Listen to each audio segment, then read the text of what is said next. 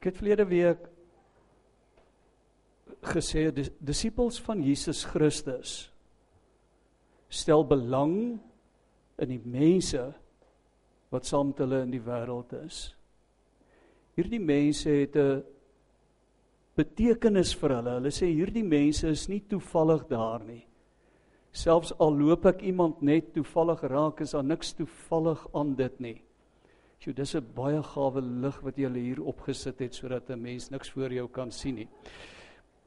Maar elkeen van hierdie mense speel 'n rol, die invloed wat ek oor daardie mens uitoefen kan positief wees. En dis hoekom daardie mens my pad langs kom. En dan moet ek ook eerlikwaar sê as 'n mens in so lig en kyk, dis een van die goed wat jy nie kan doen nie om jou notas te lees. As iemand die draad van daardie lig kan uittrek, gaan dit baie waardeer word.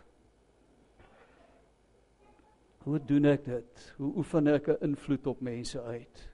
Ek doen dit deur mense te bemoedig. Baie dankie. Wat is dit? Dis baie gaaf, dankie. Daardie man moet julle 'n medalje nog gee.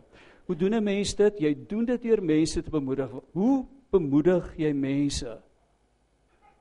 Deur in hulle te glo. Deur in mense te glo. Watter verskil Wil jy nie so 'n bietjie terugdink in die week wat verby is? Watter verskil het jy gemaak in die mense met wie jy te doen gekry het se lewe? Het jy hoop in hulle lewe ingedra? Of wanhoop? Het hulle weggestap en gesê ek het moed vir die pad. Selfs al stort Eskom en FBS en alles wat kan in mekaar in hierdie land het hierdie mens my optimisties gelaat toe ek daar weggeloop het. Jy maak 'n verskil deur mense aan te moedig. Wat nodig is is is eintlik 'n mind change dat ek moet raak sien Jesus Christus het mens geword om die mense wat in sy lewe is se lewe positief te kom aanraak en en hy roep my om presies dieselfde te doen. Nou is dit interessant Paulus in Romeine 8 hier van die 6ste vers af sê ons het gawes wat van mekaar verskil volgens die genade wat God aan ons gegee het. En dan noem hy verskillende genadegawes en as as jy nou 'n goeie apostolie is, dan weet jy nou wat die wat die genadegawes, die gawes van die Heilige Gees is. Dis spreuke in tale en profesie en uitleg van tale Maar dis nie wat Paulus in Romeine 12 sê nie.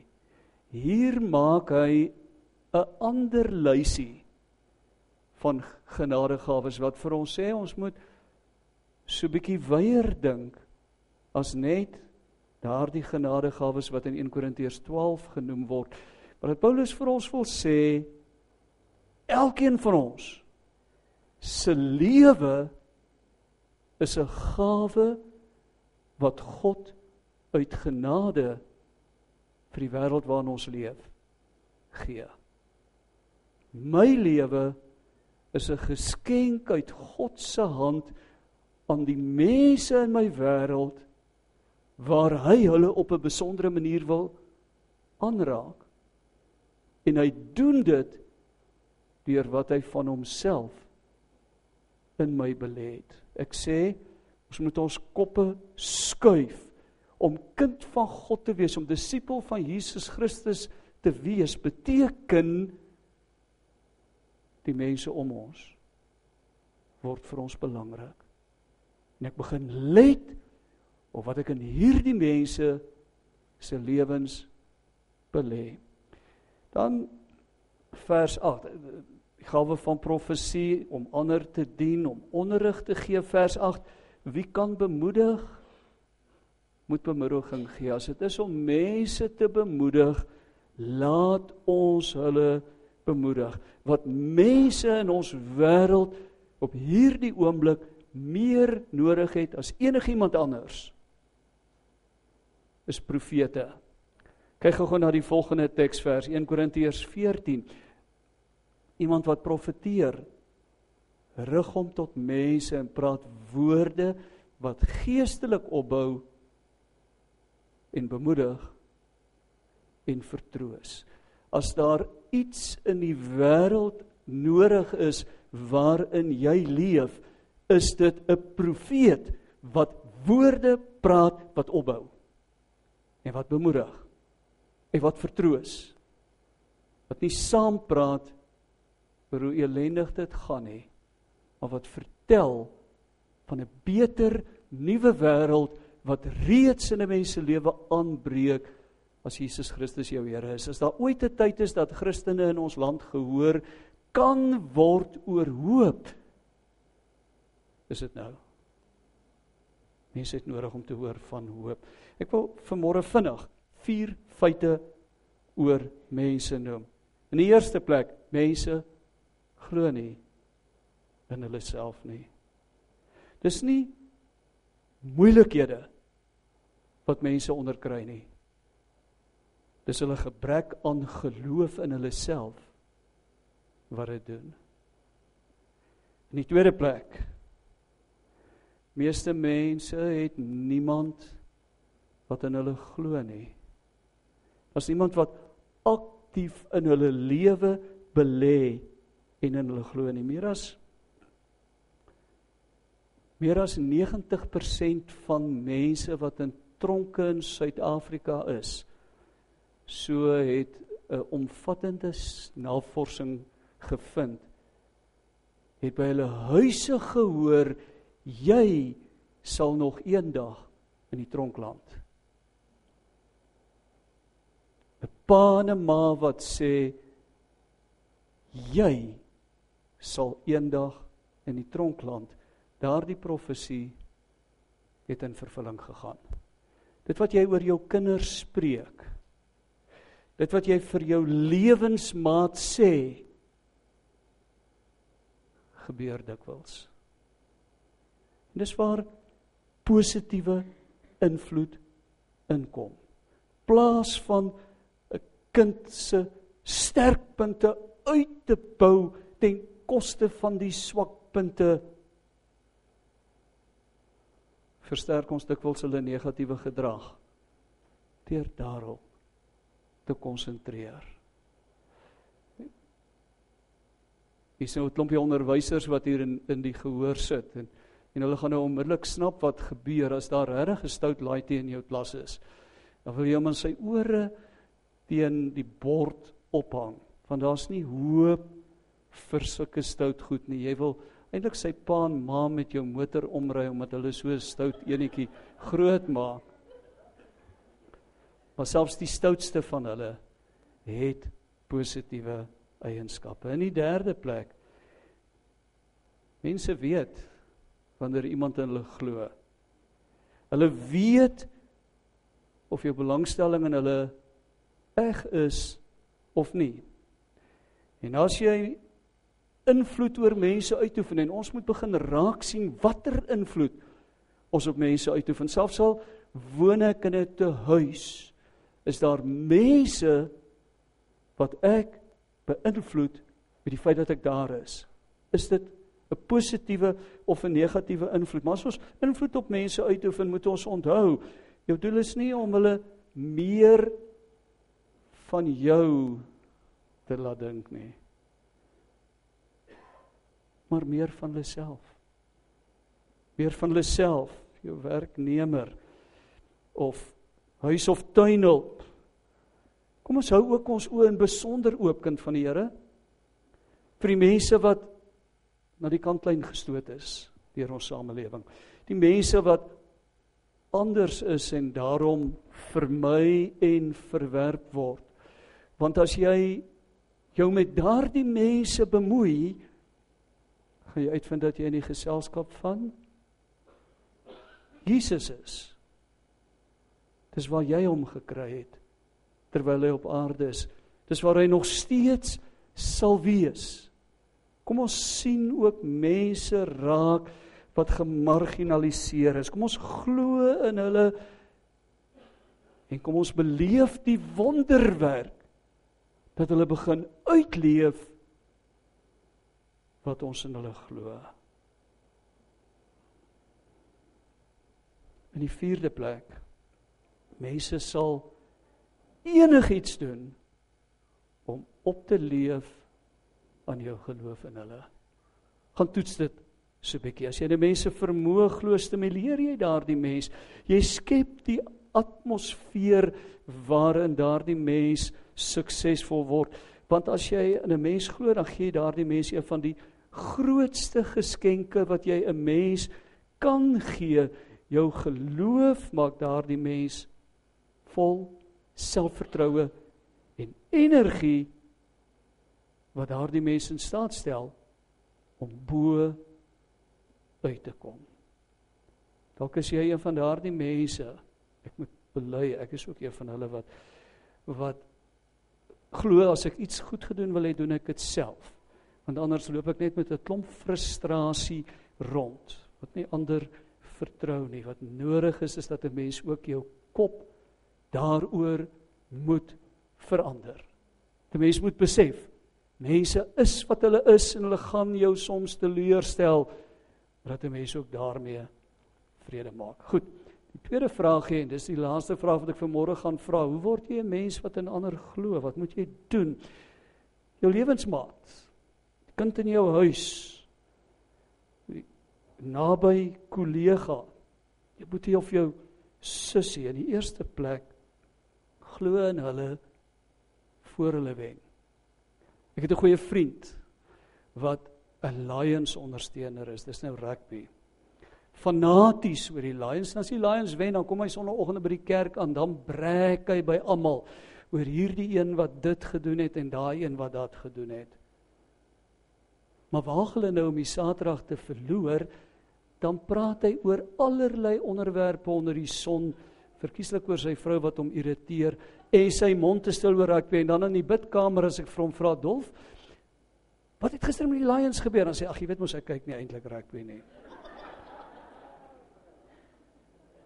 'n Christen skree vir sy span al verloor hulle ook. Hy glo wel as jy vir die Bulls skree is dit nogal 'n goeie ding om 'n Christen te wees nê nee. Hulle glo in mense al stel mense hulle te leer. Dit is maklik om in mense te glo wat hulle self bewys het, maar dit kos moed dikwels om in 'n mens te glo voor daardie mens bewys het dat daar iets positief in is. Maar dit is die sleutel om potensiaal in 'n ander mens te ontsluit, want 'n Christen word gedefinieer as 'n mens wie se lewe nie bloot net op self gerig is nie. Maar wat sê die mense in my wêreld het die Here daar geplaas met 'n doel. Daar is geen hopelose situasie in hierdie wêreld nie.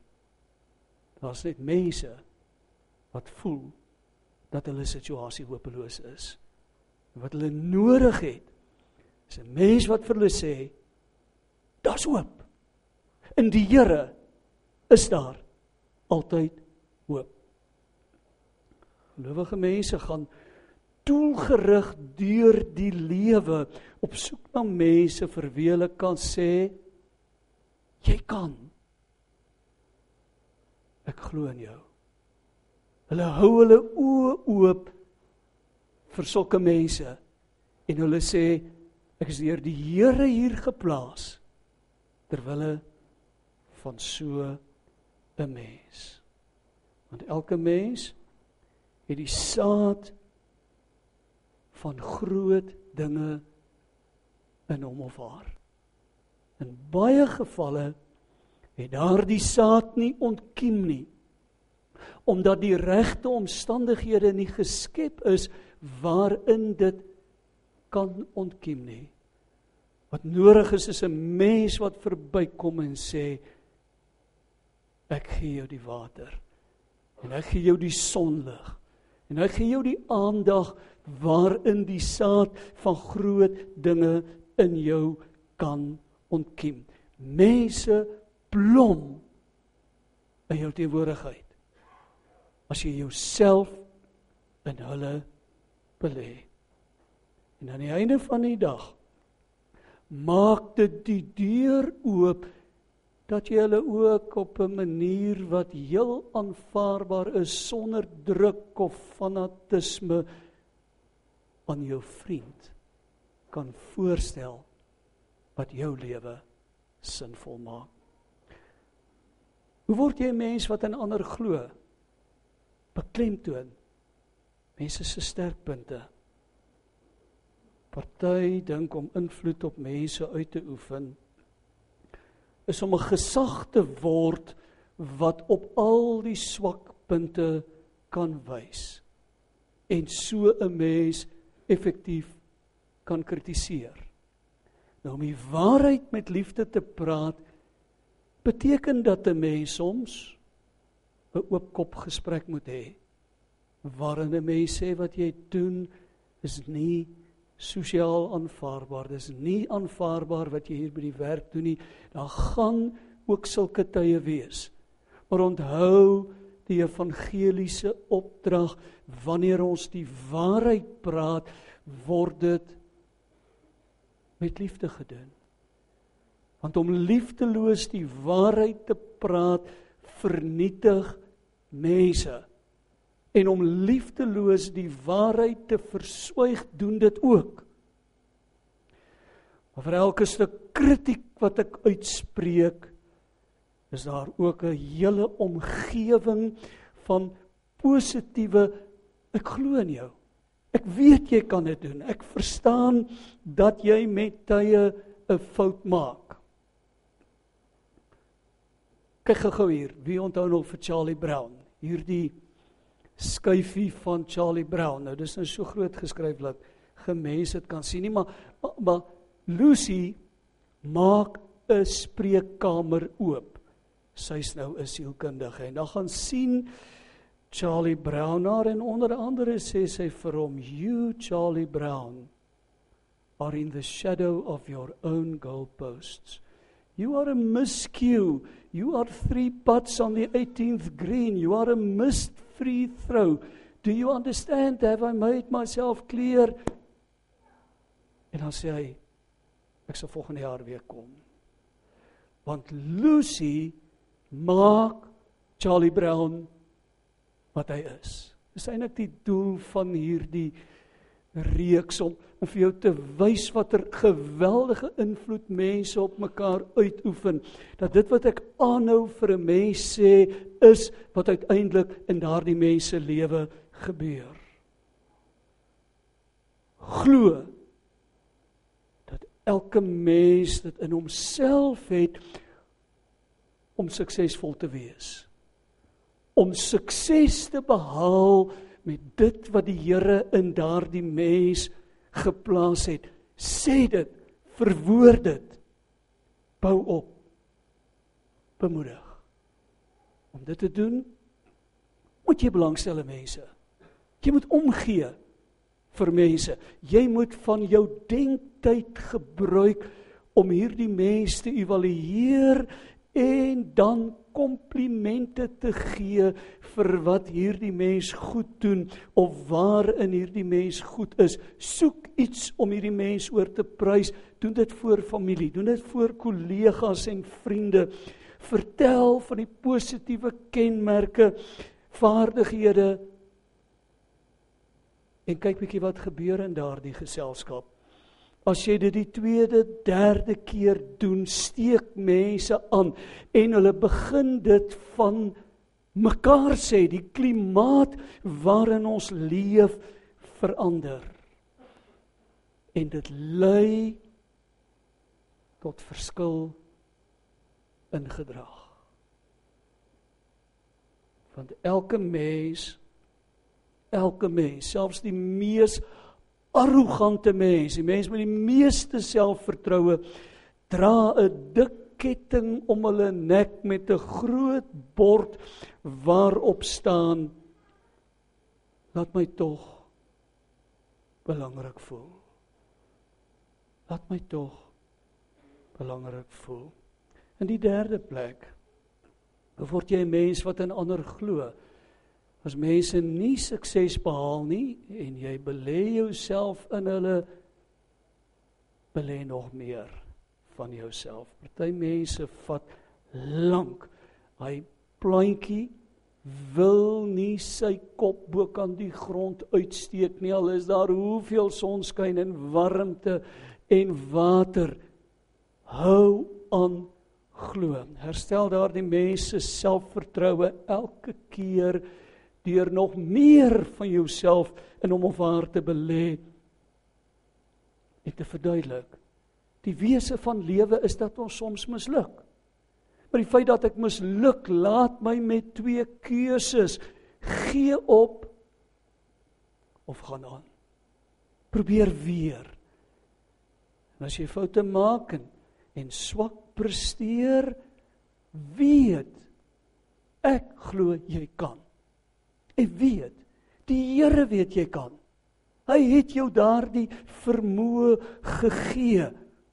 Kom ek vertel jou van my eie foute van mislukkings wat ek met tye maak sodat ek jou kan wys sukses is nie 'n bestemming nie want dit is nie die pad wat nie dis die bestemming waarheen jou pad is jy jy's maar nog steeds net op pad was 'n interessante eksperiment met rotte gedoen nou deesdae is dit nou nie meer so maklik om rotte in koue water te smyt nie maar want daar's nou allerlei etiese vereistes waaraan jy moet voldoen om rotte se menseregte te beskerm. Maar in, op 'n stadium is is 'n rot in yskoue water gegooi wat yskoud gehou is en daar's uitgevind 'n rot verdrink na 3 minute as dit pikdonker is en na 36 uur as daar 'n helder lig in die vertrek skyn. Die verskil tussen 3 minute en en 36 ure 700 maal langer wat 'n rot kan lewe as hy kan sien want dit gee vir hom hoop op uitkoms deur lig in mense se lewens in te dra kan jy die verskil maak tussen oorlewing en 'n mens wat ondergaan. Kom ons besef dit. Daar is mense wat aan pyn ly wat meer akuut is as 'n senuwee wat in 'n nek of 'n rug vasknyp. Wat erger is as die pyn van pankreaskanker en dis die pyn, die akute pyn van 'n slegte selfbeeld van mense wat hulle self haat vir wat hulle is. En die enigste medisyne is iemand wat langs hulle gaan staan en sê jy kan. Jy kan dit doen. Ek dink 'n mens kan hier ongeveer 40 dae sonder kos wees. 4 dae sonder water. 4 minute sonder suurstof. Hulle wil ek sien nou die dag 'n vrou wat 6 minute lank onder die see kan swem sonder om asem te haal.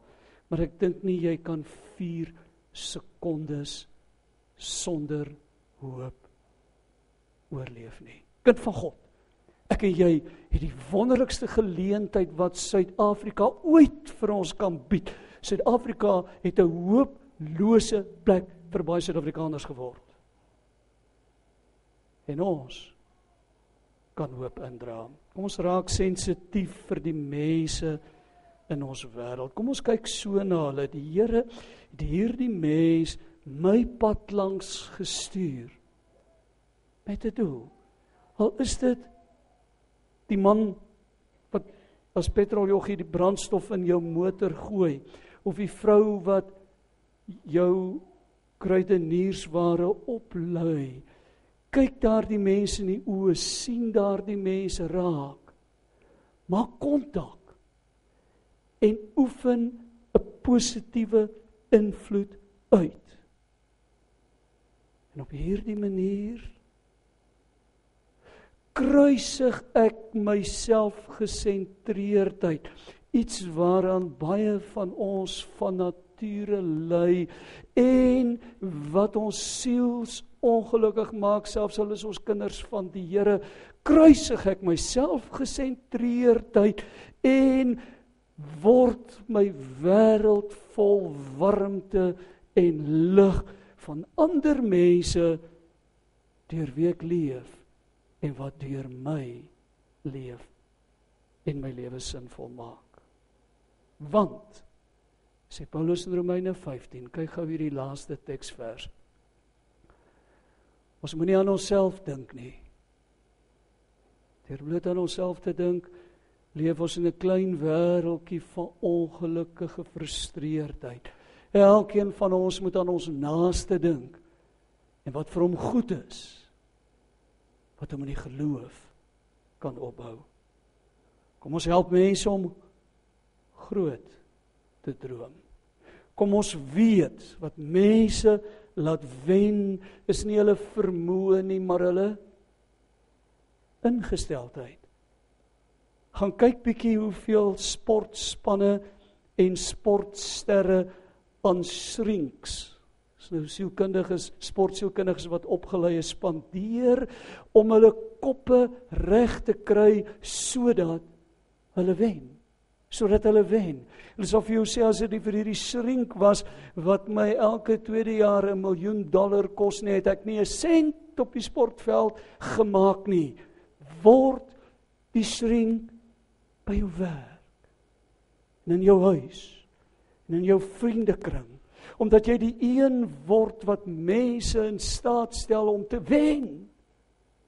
Omdat jy hulle koppe swaai en hulle ingesteldheid gee van ek kan die Here stel my in staat wanneer mense se ingesteldheid verander van selftwyfel na selfvertroue verhoog hulle lewenskwaliteit verhoog hulle vermoë om sukses te behaal verhoog hulle vermoë om hulle potensiaal te bereik dikwels potensiaal waaroor hulle in hulle wildste drome nooit kon droom nie.